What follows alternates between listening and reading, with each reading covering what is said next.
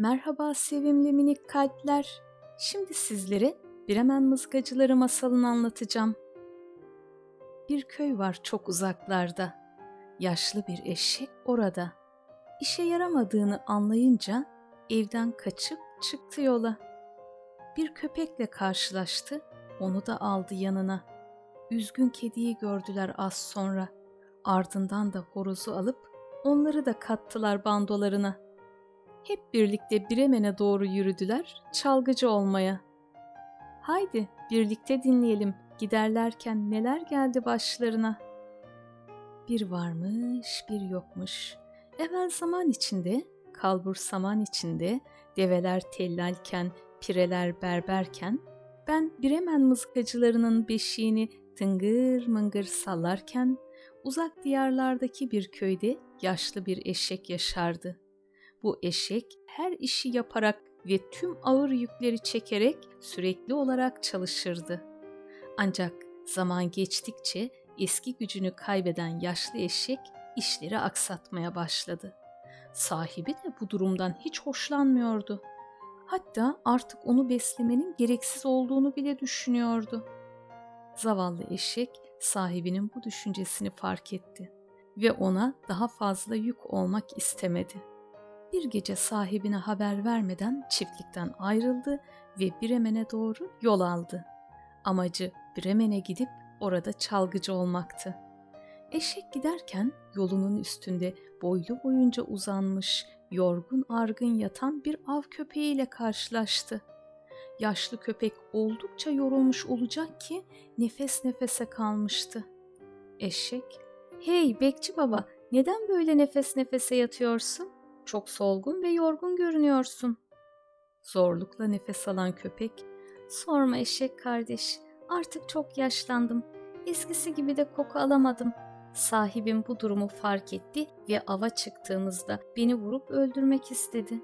Elinden zor kaçtım. O kadar koşmuşum ki nefes nefese kaldım ve sonra da kendimi yere atıp yattım. Eşek, üzülme bekçi baba. Ben de düştüm aynı duruma. Ama çok güzel bir fikir geldi aklıma. Ben Bremen'e gidiyorum çalgıcı olmaya. Hadi sen de gel, davul çalarak eşlik edersin bana. Köpek sevindi çok fazla. Sonra da birlikte çıktılar yola. Az gittiler, uz gittiler. Dere tepe düz gittiler. Yolda ilerlerken üzgün bir şekilde uzanmış olan kediyi gördüler. Eşek, hayırdır kedi kardeş, yüzünden düşen bin parça. İşlerin pek yolunda gitmiyor galiba. Eşek ve köpeği karşısında gören kedi çalıştı kendini toparlamaya ama ne fayda. Kedi, baksanıza şu halime, artık çok yaşlandım. Ne dişlerim tutuyor ne de eskisi gibi hızlıyım. Sahibim beni bir kova suda boğmaya çalışınca canımı zor kurtardım. Kendimi sokağa attım.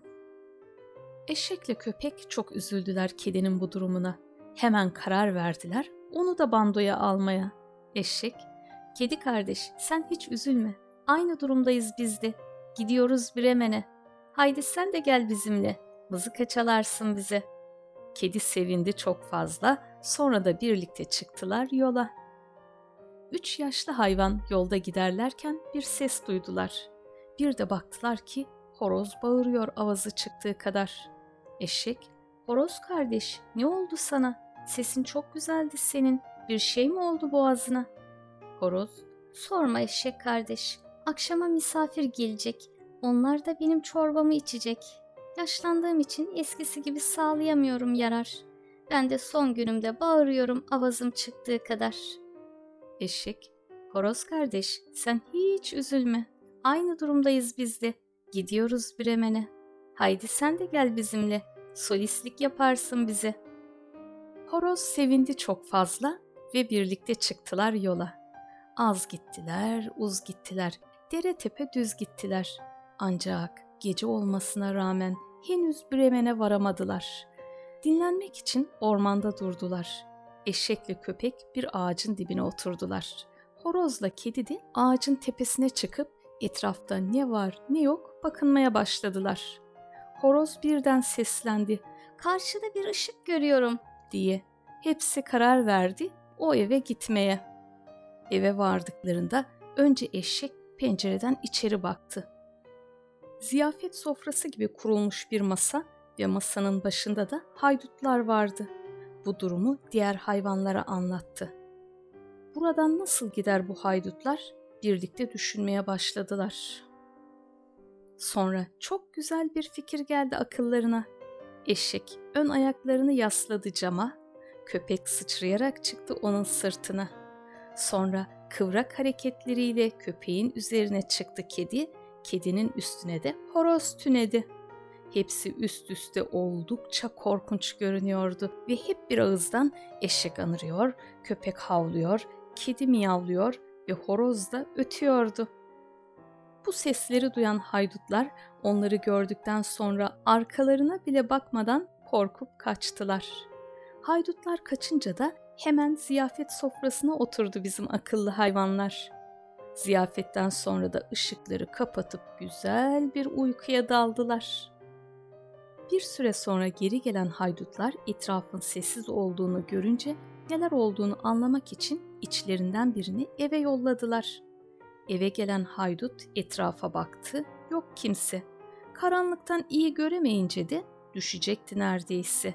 Işığı yakmak için mutfağa girince tam ışığı yakacakken kedinin karanlıkta parlayan gözlerini görüp korkudan atladı üstüne. Kedi de adamın üstüne.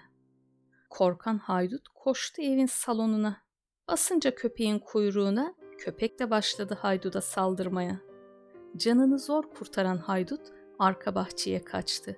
Ama orada da eşek karşısına çıktı ve arka ayaklarıyla ona tekme attı. Tüm bunlar olurken çatıdaki horoz da tüm gücüyle bağırınca haydut dayanamadı ve korkarak kaçtı arkadaşlarının yanına. Kaçan haydut evde cadılar olduğunu, birinin yüzünü tırmaladığını, diğerinin ısırdığını, bir başka cadının da sopayla dövdüğünü, damdaki cadı yargıcında getirin şu adamı bana diye bağırdığını söyleyerek o evde ilginç şeyler olduğunu anlattı arkadaşlarına. Haydutlar bunu öğrendikten sonra buradan kaçarak geri dönmediler bir daha. Haydutları kaçıran hayvanlarsa bulundukları bu evden son derece memnun kaldılar. Dört Bremen mızıkacısı bu evde mutlu mesut yaşamaya başladılar. Ne demiş atalarımız? Hava soğusa da gölge veren ağacı unutma. Bir zamanlar fayda sağladığımız varlıklar artık o faydayı sağlayamayacak duruma geldiklerinde onlara karşı vefalı olmak en büyük insani erdemlerden biridir. Bu değeri korumak da insani bir görevdir. Tekrar görüşmek üzere sevimli minik kalpler. Hoşçakalın.